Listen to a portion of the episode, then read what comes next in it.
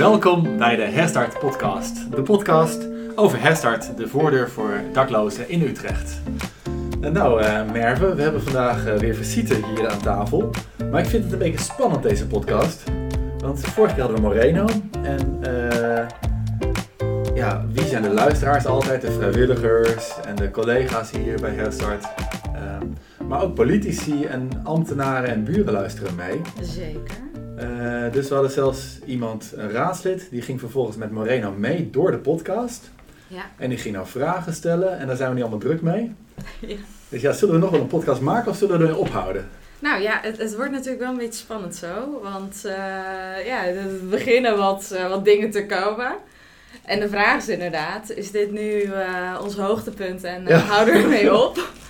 Of uh, gaan we vandaag nog even in gesprek met Larissa en Daria van Barca? Nou, ik denk dat dit een nieuw hoogtepunt wordt. Welkom uh, Daria en Larissa. Wat fijn dat jullie hier zijn. Dank je. Uh, jullie zijn van Barca. Barca is, is echt een, een, belangrijke partij hier in het pand. Ja. vooral bij de inloop zijn jullie heel regelmatig.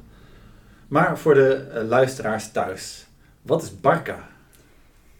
Ja, wat is Barca? Dat is een goede vraag. Uh, dat is een Poolse organisatie uh, die 30 jaar geleden uh, door twee psychologen is opgericht in Polen. En dit was eigenlijk na de tijd van, ja, na de val van het communisme in Polen.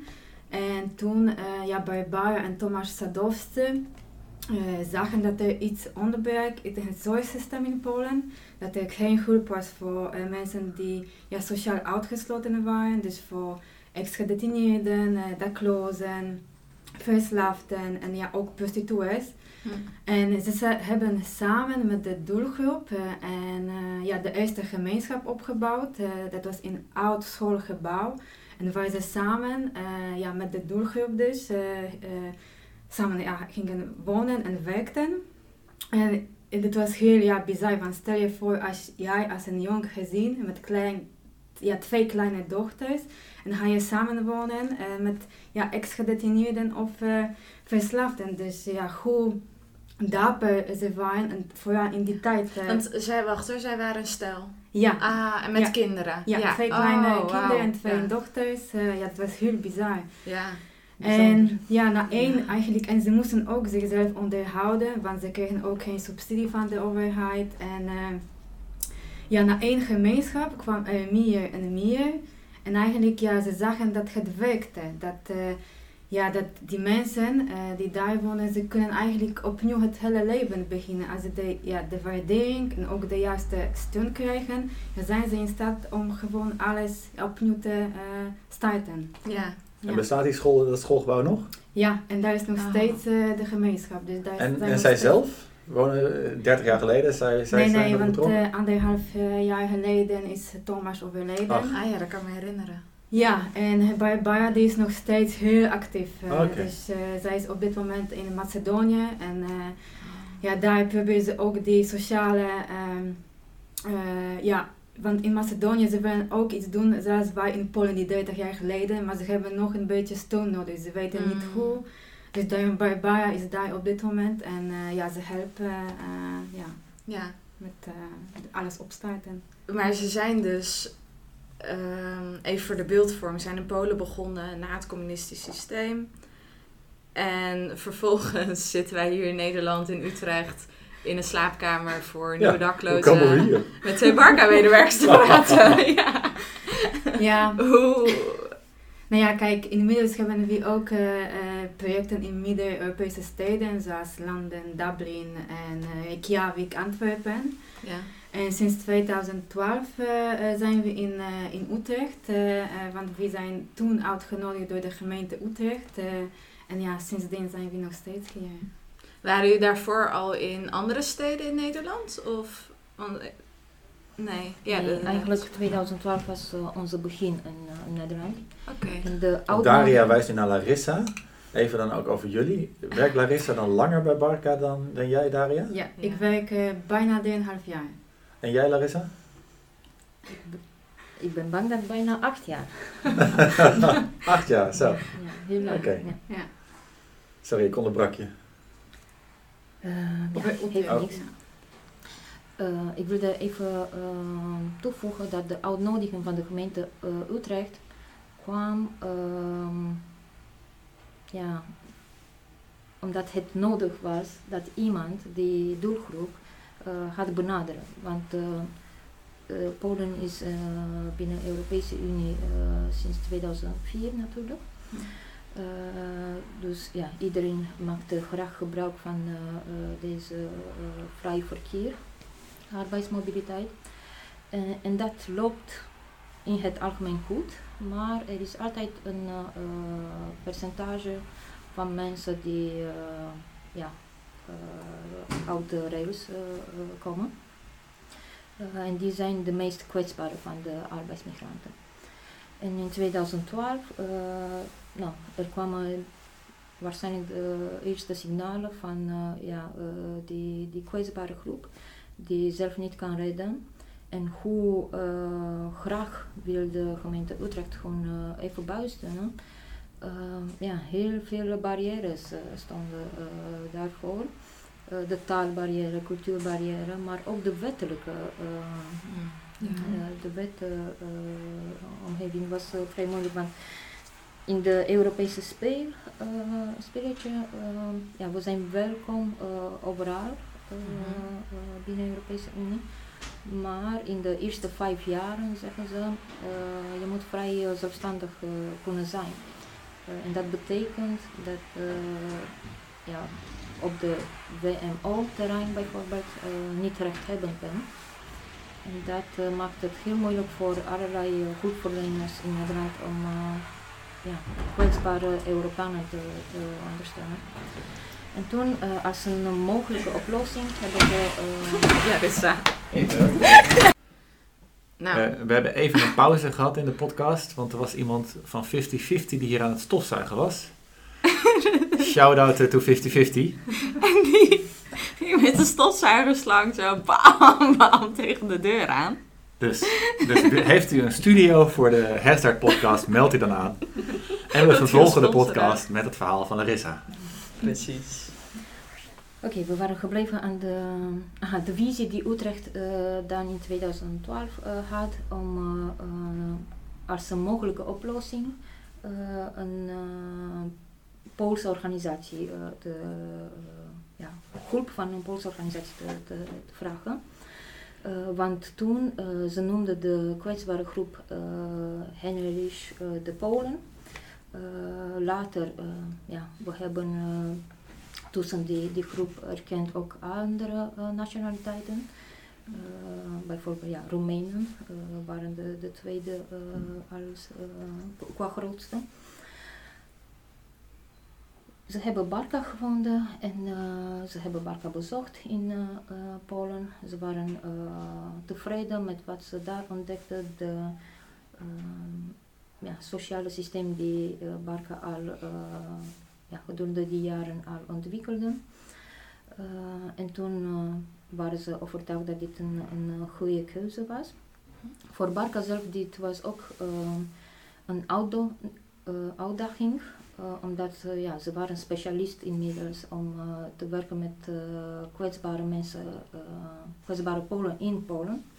Maar nu ja, kwam het vriendelijk verzoek om een manier te vinden om te werken met kwetsbare Polen die emigreerden. En ja, tijdens, ergens tijdens hun werktraject ja, mislukte. Ja.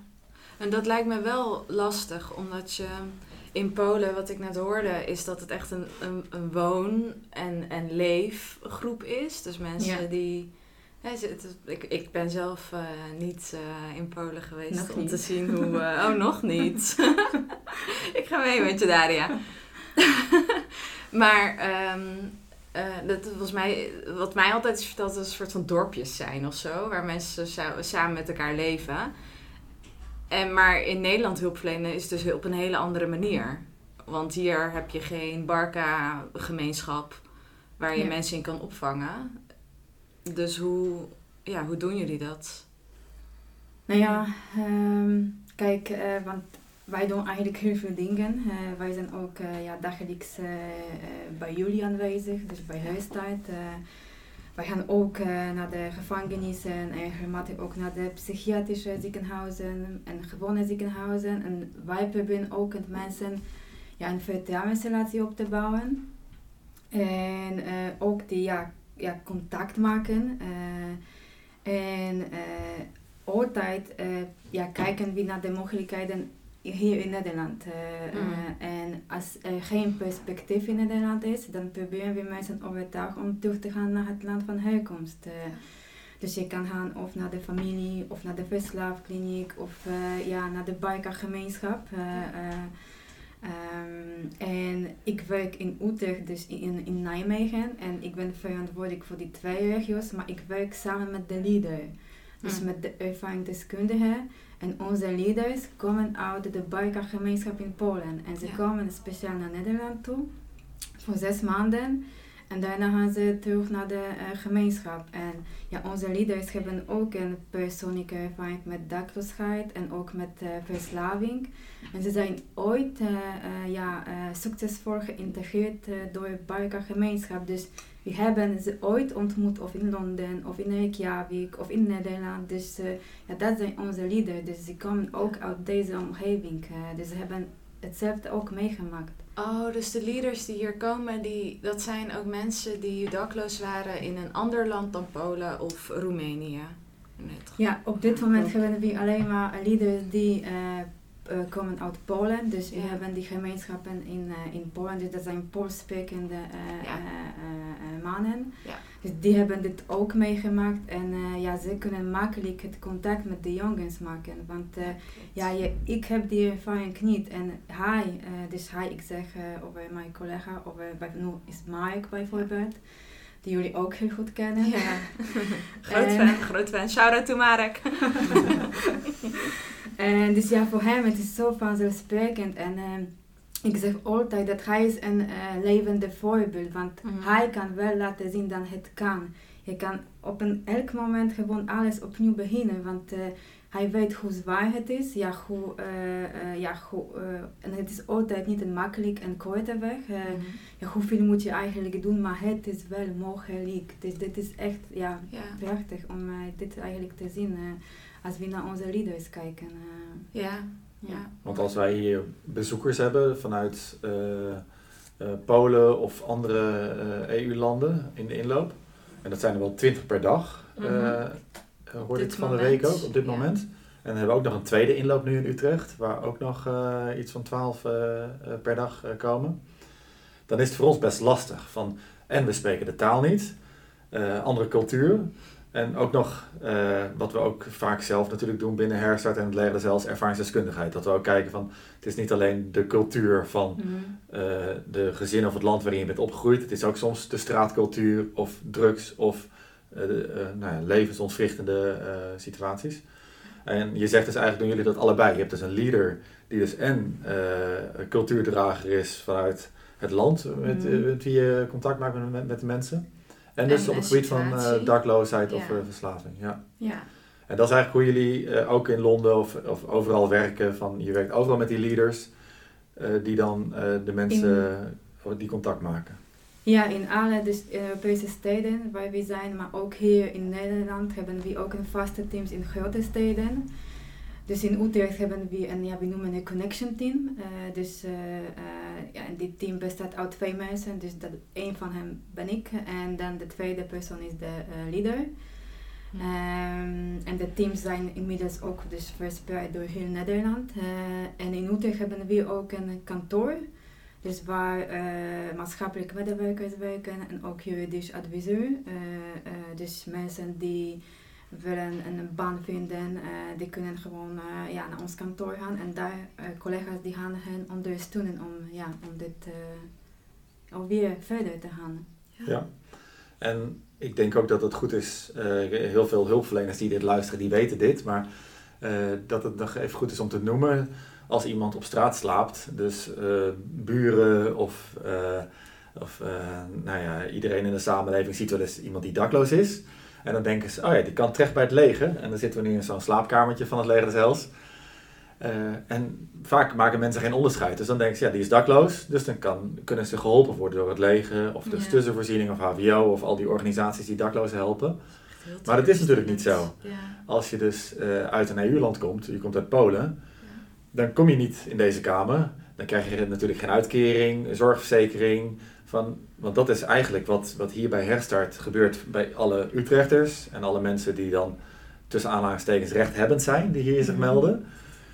Gaan mensen meteen aan de slag met de uitkering, de zorgverzekering, ze krijgen opvang. En dat zijn alle stappen die worden gezet. Ja. Maar dat is heel anders bij, eh, bij de EU-groep. Van wat zijn jullie stappen? Van wat, wat, wat kunnen jullie doen als je dus contact maakt met iemand? Ja, eh, klopt. Dus zoals uh, Darja heeft heel mooi beschreven, we hebben een soort methode van werken aangepast aan de Nederlandse realiteit. En daar een andere rol naast vertrouwen winnen bij de mensen via de, de team is ook steeds uitleggen, niet alleen aan eh, de doelgroep, maar ook aan onze partners, soms ook hulpverleners die niet zo vaak in contact met eh, onze doelgroep komen, Eh, maar ook ja, burgers, steeds uitleggen dat eh, ja, we moeten anders eh, eh, de probleem aanpakken en meer eh, creatief zijn. En eh, voor iemand die zo kwetsbaar is dat eh, niet meer een perspectief is richting werk, eh, ja, de enige eh, eh, verbleven optie is terug, eh, te gaan gewoon terug te gaan begeleiden naar het land van herkomst. Ehm, ja, in theorie klinkt alsof altijd een soort eh, ja, eh, weg kan nemen. Maar in praktijk is het vrij eh, moeilijk, want eh, je moet dan eh, aan de betreffende eh, uitleggen dat hij vannacht buiten had blijven slapen. Ja. Eh, nou, gelukkig met de tijd we ja, hebben opgebouwd uh, goede, uh, goede werkrelaties met uh, ja, bijvoorbeeld en andere organisaties. Dus we moeten, het lukt ons nu altijd een soort ja, middenweg te vinden. Bijvoorbeeld als iemand begrijpt dat het is de gezondere keuze is om vrij korte termijn terug te gaan keren, dan vinden wij de ruimte in de meeste van de gevallen om een uh, tijdelijke plekje bij, bij jullie bijvoorbeeld te, te vinden om de terugkeer te gaan organiseren. Hm. Of als iemand heel ziek is, nou, geen beslissing heeft nog kunnen maken, ja, uitzonderingen zijn wel mogelijk. Maar dat is ook uh, vermoeiend om uh, ja, steeds te vechten voor een uitzondering. En, uh, ja. ja en, en wat daarna natuurlijk. Eh, We willen natuurlijk ook een uh, opvang geven voor iedereen. Ik, ik, mijn persoonlijke mening is dat iedereen recht heeft op een bed. Uh, dat dat minimum moet zijn. Maar soms ja, dan vraag je wel af van, maar wat kunnen we daarna nog bieden? Het houdt niet op bij alleen maar het bieden van een bed. Nee, en het moet ook niet zo zijn, denk ik. Want uh, ja. Ja, die persoon moet ook een perspectief hebben, want dat gaat het om eigenlijk. Ja. En uh, kijk, wij als arbeidsmigranten uh, en is een groep die had echt snel weer aan de bak, dus ja. die kan gewoon ja. een, ja, weer Veel mensen zijn zelfstandig. Ja. ja. En er zijn een kleine groep die heel kwetsbaar zijn of mensen die echt in een schrijnende situatie zitten. Ja, voor die mensen moeten wel oplossingen komen. Ja. Want, en we wat nou? Hetzelfde, oh, ja. iedereen uh, verdient een bed. Uh, alleen wij uh, stellen voor dat die bed weer in Roemenië had mm, ja. ja, je zegt eigenlijk van, als, als ik dus uit Polen hier kom en ik ben op straat, dan, is eigenlijk, dan heb je twee wegen. Dus je gaat of terug naar Polen en dan kan je ook bij zo'n gemeenschap komen als, als er problemen zijn of als je dat nodig hebt. Of dus je gaat aan het werk. Dat zijn eigenlijk, als ik EU-onderdaan ben in Nederland, zijn dat de twee uh, wegen, toch? Eigenlijk wel. Ja. ja. Maar wat nou, ik bedoel, wij kunnen nu um, met z'n allen heel veel situaties bedenken waarschijnlijk dat iemand te kwetsbaar is om de keuze te maken om naar het land van herkomst te gaan. maar eigenlijk ook niet, eh, ook te kwetsbaar is om hier aan het werk te gaan en een soort van tussensituatie komt. En ik nou, kan zowel Roemeense mensen bedenken die op dit moment in zo'n situatie zitten als Poolse mensen. Mhm. Ehm, ja, wat dan? Wat is dan jullie rol? Ja, sowieso nog steeds in contact met die persoon blijven eigenlijk. Want eh, en kijk, ik denk sowieso als iemand echt, echt in de war is, en moeten wel de oplossingen komen. Want eh, je moet wel op tijd ook ingrijpen. Eh, want ja, want als je op tijd gaat ingrijpen, is nou de kans groot dat die persoon zelfstandig kan functioneren. Mhm. Dus dat heb je ook de partners nodig eigenlijk. eh, dus eh, je hebt, eh, ja, en daarom ook, het is zo belangrijk voor ons om goede contacten met alle catering te hebben. En, maar het is nooit een, een, een, ja, een ideale oplossing. Nee. Want kijk, als iemand wordt opgenomen, want dit gebeurt ook vaak, dat we ja, worden gebeld. we hebben hier iemand die uit ja, Estland, Roemenië, Polen of een ander land komt. En eh, kunnen jullie voor hem iets betekenen? Dus dan gaan we daar naartoe. En als die persoon ja, stabiel genoeg is om weer helder te denken. En, eh, eh, en dan is hij in staat ook om te zeggen, wat wil hij eigenlijk? Wil ik hier blijven? Mhm. Wil ik verder in mijn leven gaan hier? Of wil ik terug naar de familie misschien die in eh, Bulgarije is, die op mij nog steeds wacht. eh. Of eh, ja, als je moet toch de eh, vervolgbehandeling krijgen. En, en hier eigenlijk heb je geen recht voor de sociale, eh, ja, geen sociale rechten. Ja. En die, ja, en die heb je wel in het land van herkomst. En daar heb je ook de toegang tot alle zorg. En ja, het is ook, ja, het is moeilijk. eh, Ja. Het is, Ja, ja, het is niet, niet ja, volgens mij is nooit een ideale oplossing of perfecte oplossing. En tussentijd, we blijven gewoon, gewoon motiveren om eh, toch tot de, de goede eh, ja, keuze te, te komen. Ja. ja, Maar het is wel een frustrerende weg, want eh, ja, ze, Ja. ze blijven buiten. Aan de andere kant is het ook wel is nog redelijk... Je hebt ook een heel stuk succesvol eh, werk, Ja. eh, begrijp ik. Van, Ja. dat, dat lees ik ook Ja. uit jullie cijfers. Want dat is wel de helft dat je daar echt al ook wel op korte termijn mee aan de bak kan. Dat die terug kunnen van het werk. En dit zijn dan eh, nou ja, misschien 10% eh die, waarmee we echt vastlopen met in de war verslaving. ja, En die zien we natuurlijk heel veel op straat en veel overlastmeldingen, maar ook veel zorgen. En ook eh, nou ja, mensen die overlijden zelfs. En dat is wat jij zegt, van dan moet je dus echt eh, met ketenpartners, dan moeten we echt met z'n allen eigenlijk gaan kijken van hoe gaan we verder en wat voor zorg kunnen we wel inzetten om deze mensen zover te krijgen dat, dat je ook een lange termijn plan kan maken. Want dat is altijd het uitzicht dan. ja, kijk, wij hebben elkaar nodig, dat denk ik. Dat, ja, jullie hebben ons en wij hebben jullie nodig. En zo werkt dat, denk ik. Eh, en, eh, en die groep, eh, want je juist zei, die is heel klein, die kwetsbaar eh, groep, die echt, ja, die kan echt niet goed ja, functioneren op dit moment. En voor die doelgroep, denk ik, moeten wij iets wel, ja, het moet wel hier iets gedaan worden. Ehm, en, ehm, en we hebben inderdaad een heel veel succesverhalen. En, ja. eh, en wat ook Leisa zei, je moet in contact blijven. Je moet continu mensen motiveren. Eh, eh, en dat doen wij. En zelf, eh, want ik herinner me nog, eh, het was twee volgens mij eh, jaar geleden. Eh, het was zomer. En toen kregen we een melding van een bank, eh, een grote bank in Utrecht. eh, dat eh, ja, daar eh, op een eh, eh, bouwterrein eh, een, eh, een, ja, een, een pool eh, sliep. Eh, en omdat een, eh, een ja, bouwterrein was, was het super gevaarlijk voor die persoon. Eh, dus we zijn toen met Christophe eh, naar die plek eh, gegaan. De leader. Ja, met de leader, ja. Ja. En, eh, en toen zagen we een bekende van ons. dus een oude man die Mm. al een tijdje op straat was en die drankproblemen had. En ook ja, altijd een beetje, hij leefde zijn eigen leven. Hij wilde nooit met iemand praten. Maar we dachten, nou, wij gaan elke dag naar hem toe. Wij gaan langzaam die contact eh, eh, proberen met hem te krijgen. En, eh, en ja, en je weet steeds meer over hem. Hij wist steeds meer ja, ook over ons. en om dit echt ja, kort te houden, het is ons gelukt om hem te overtuigen om terug te gaan naar Polen. En waar hij nog steeds is. Dus hij is nog steeds binnen Biker. Het gaat echt hartstikke goed met hem. En je ziet hem ook hoe hij, ja, hij kan weer eh, van leven eigenlijk genieten. Want Ja, eh, het is ja, het is heel bizar. Als je daar bent en kun je ook die, alle die mensen zien, dan denk je oké, ja, dit is echt eh, belangrijk wat wij doen. Dat is En, de moeite waard. en dit is zeker de Ja. moeite waard. Ja. Ja. echt. ehm. Ja.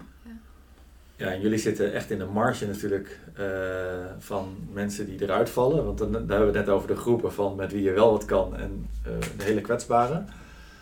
Eh, maar als je kijkt naar de totale groep arbeidsmigranten, dan eh, vraag ik me af, zien jullie daar wel eens iets van als je, ik las laatst in de krant over Londen, van dat die echt problemen hebben, omdat er nu veel minder arbeidsmigranten uit Polen en uit Oost-Europa zijn. Omdat, ja, eh, vanwege dat ze uit de EU zijn gegaan, dat die nu echt moeite hebben om de economie goed draaiende te houden omdat er gewoon veel minder arbeidsmigranten nu zijn. Hebben jullie ook wel eens met de. Want dat, dat is het overgrote deel, honderdduizenden mensen in Nederland die uit Oost-Europa aan de, aan de bak. of uit Oost-Europa die in Nederland aan de bak zijn. Hebben jullie wel eens contact met, eh, met andere belangenclubs vanuit eh, Poolse werkers hier in Nederland? Of met de, de, de mensen die het hebben gemaakt als het ware in deze samenleving? Dat zijn, zijn jullie natuurlijk ook, maar andere arbeidsmigranten? Eh, wel, incidenteel wel, want ehm, ja, de dynamiek van eh, ons werk is eh, vrij groot. Dus we hebben de reconnectieteam die eh, vrij outreachend werkt, of op signalen van ziekenhuizen, PI's, ja, andere hulppartijen. Maar zeker bijvoorbeeld hier in Utrecht, door de aanwezigheid van eh, sociaal-economische centrum, hoe wij dit noemen, komen wij eh, in contact ook met andere eh, arbeidsmigranten die in het algemeen eh, de weg kennen in, eh, in eh, Nederland, maar toch in, eh, incidenteel eh, tegen problemen komen. Eh, ik ben hun eh, loon de afgelopen weken eh, is eh, niet betaald. Of hebben ze een conflict situatie met een coördinator. Eh, of soms eh, een uitzendbureau belt om te zeggen, nou iemand is eh, psychotisch geworden op zijn kamer. Wat Hmm. moeten wij hiermee? Ja. Eh, dus wel, we komen En dat Sociaal-Economisch Center, eh, kan je daar iets meer over vertellen? Hoe dat werkt in Utrecht? Ja, eh daar heeft al een stukje verteld. Eh, ze concentreren meer op eh, die eh, kwetsbare Europeanen die toch een beetje perspectief in Nederland hebben.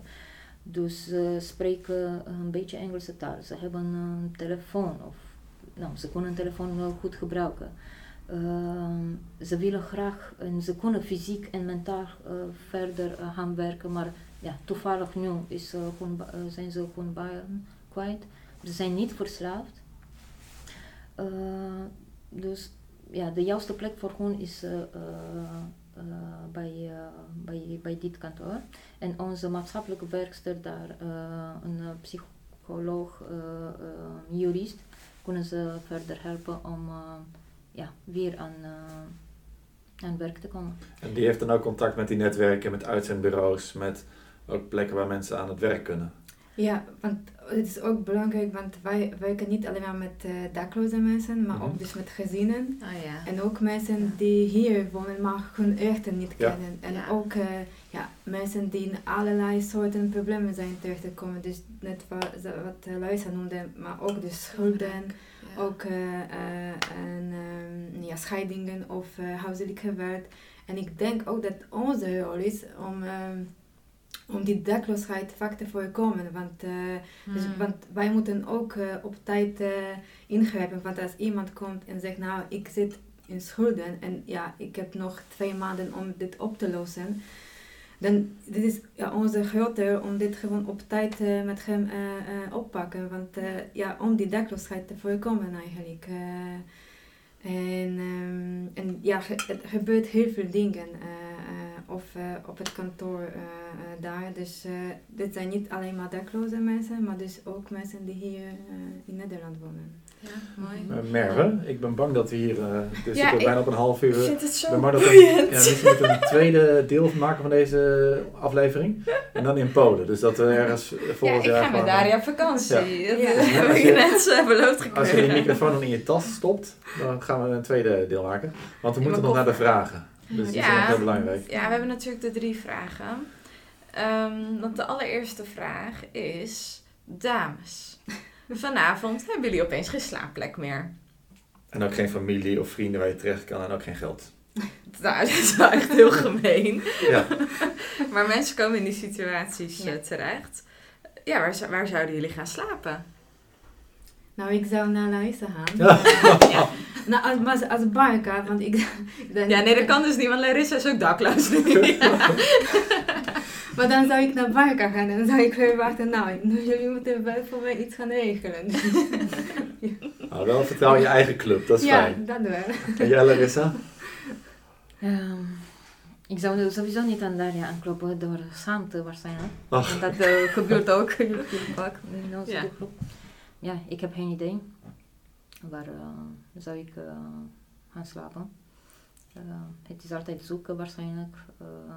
Ja. ja, het, het is ook waar zit je precies in deze kwetsbaarheid proces, zeg maar. Want iemand die al zeer kwetsbaar in onze landen waren, die ook ja, het slapen op straat ervaring hebben, misschien is het minder eh, verschrikkelijk dan hoe voor mij zou zijn om eh, morgen eh, op straat Mm, opeens mhm. te zijn. Ja. Dus ja, het is een ja. psychologisch proces, denk ik. Ja, even zoeken, even redden. Ja. Voor mij zou uh, absoluut uh, ja, triest zijn. Ja. ja. Mooi verwoord, ja. Ehm, ja de de 5 vraag miljoen vergeten. vraag? Nee, dat is echt de Oh, de allerlaatste karaokevraag. De karaokevraag. De karaokevraag. Wij hebben vanavond karaoke en jullie moeten allebei een liedje zingen. Ik zie uh, Daria al knikken. Eh, Een liedje zingen om een, eh, een bed te krijgen voor de Ja. avond dat jullie Sorry, dakloos dat zijn. liedje zingen. Welk liedje ga je zingen? Ja, je kan sowieso niet zingen, maar uh, uh, ik vind het heel mooi, uh, de liedje van Maaike Oudbolder, dat ik je mis. Hm. En volgens mij zij heeft dit liedje geschreven, denken aan haar moeder. Uh, ik maak een analogie met, uh, analogie met onze moedertaal, vaderland. Ja, het is een heel mooi uh, liedje. Mooi, ja. Nou, je hebt wat tijd gehad, Daria. Daria? Nee, je moet echt niet met mij gaan zingen. Dus, uh, um, nou ja, um, om hier op tijd te zijn moest ik vandaag uh, vroeg opstaan. En toen ik in de trein zat, uh, luisterde ik... ja, ik moest gewoon wakker worden. Dus... Uh, Sorry. nee. nee, dus ik luisterde uh, Tina Turner en ook Bugs, uh, Bug, Bus Springsteen. Dus ja, ik zeg de best van Tina. Jee. Ja. ja. Moeten het toch een keer gaan doen, die karaoke. Ja. Uh, nou, dan hebben we nu wel de 5 miljoen vraag. Ja. Uh, nou, stel dat we jullie straks heel dankbaar zijn en we geven jullie een koffertje met 5 miljoen euro met één voorwaarde. Je moet het binnen een week uitgeven. Daarom doen alle gasten ook mee voor die 5 miljoen euro. Wat ga jij doen met 5 miljoen? Larissa? Ja, dat is te groot om... Uh, ja, heel je mag het concreet niet iets, uh, concreet iets uh, bedenken, maar om de lijn van discussie te, te volgen. Uh, zeker voor de Roemeense verhaal binnen Barca, het is wel nodig dat wij een model van Polen, uh, die werkt gewoon, uh, in Roemenië te laten repliceren. Dus de gemeenschappen, ja. en, de gewoonschappen. Ja, ja dat, dat zou een beginpunt zijn, denk ik. Jij zou directeur of bestuurder worden van Barca Roemenië. Nou, um, ja. in ieder geval de sponsor. Of de sponsor. ja, ja, de sponsor beter. cool, ja. We zouden Barbara uit uh, Macedonië moeten lenen om uh, naar Roemenië te... nou, voor 5 miljoen komen ze misschien wel. ja. ja. Ik zou komen. Daria, ik zeg Polen af, ik ga naar Roemenië. nee. maar dit, uh, dit had zeker onze um, uh, steun-netwerk in Roemenië zeker versterken. Mm. Ja. Mooi. Ja, En Daria? mooi. Wat doe jij met 5 miljoen? Het hoeft niet allemaal nobel en eh, liefdevol hoor. Je mag Ja, ook gewoon een jacht kopen. Ja, een mooi huis voor jezelf. Nee, nou, ik heb het eentje. Dus, eh, ja, misschien gaat het ja, cliché klinken, maar eh, ik denk dat ik zou toch in Barca eh gemeenschappen investeren. Want zodat ze meer mensen kunnen bereiken en nog meer mensen kunnen helpen.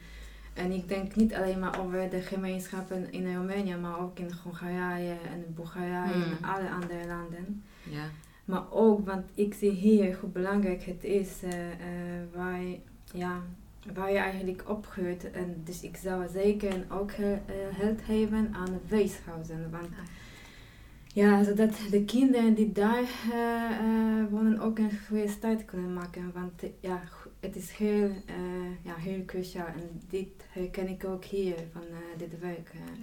Hoe bedoel je dat hier mensen zijn die eh, ja, je, je in weeshuizen zijn opgegroeid? Of, ja, of, je, je, Klopt, ja. je eh, ontmoet op straat eh, eh, mensen die, eh, die in weeshuizen zijn opgegroeid. En eh, het is zo belangrijk dat je gewoon de juiste steun en die kracht en eh, ja, de juiste hulp krijgt en de goede start kan Mhm. beginnen. En, eh, dus, ja, ik vind het gewoon belangrijk. Ja. Mooi. Ja. Mooi. Dank jullie wel. Dit was deel 1 uh, eh, interview met Barca.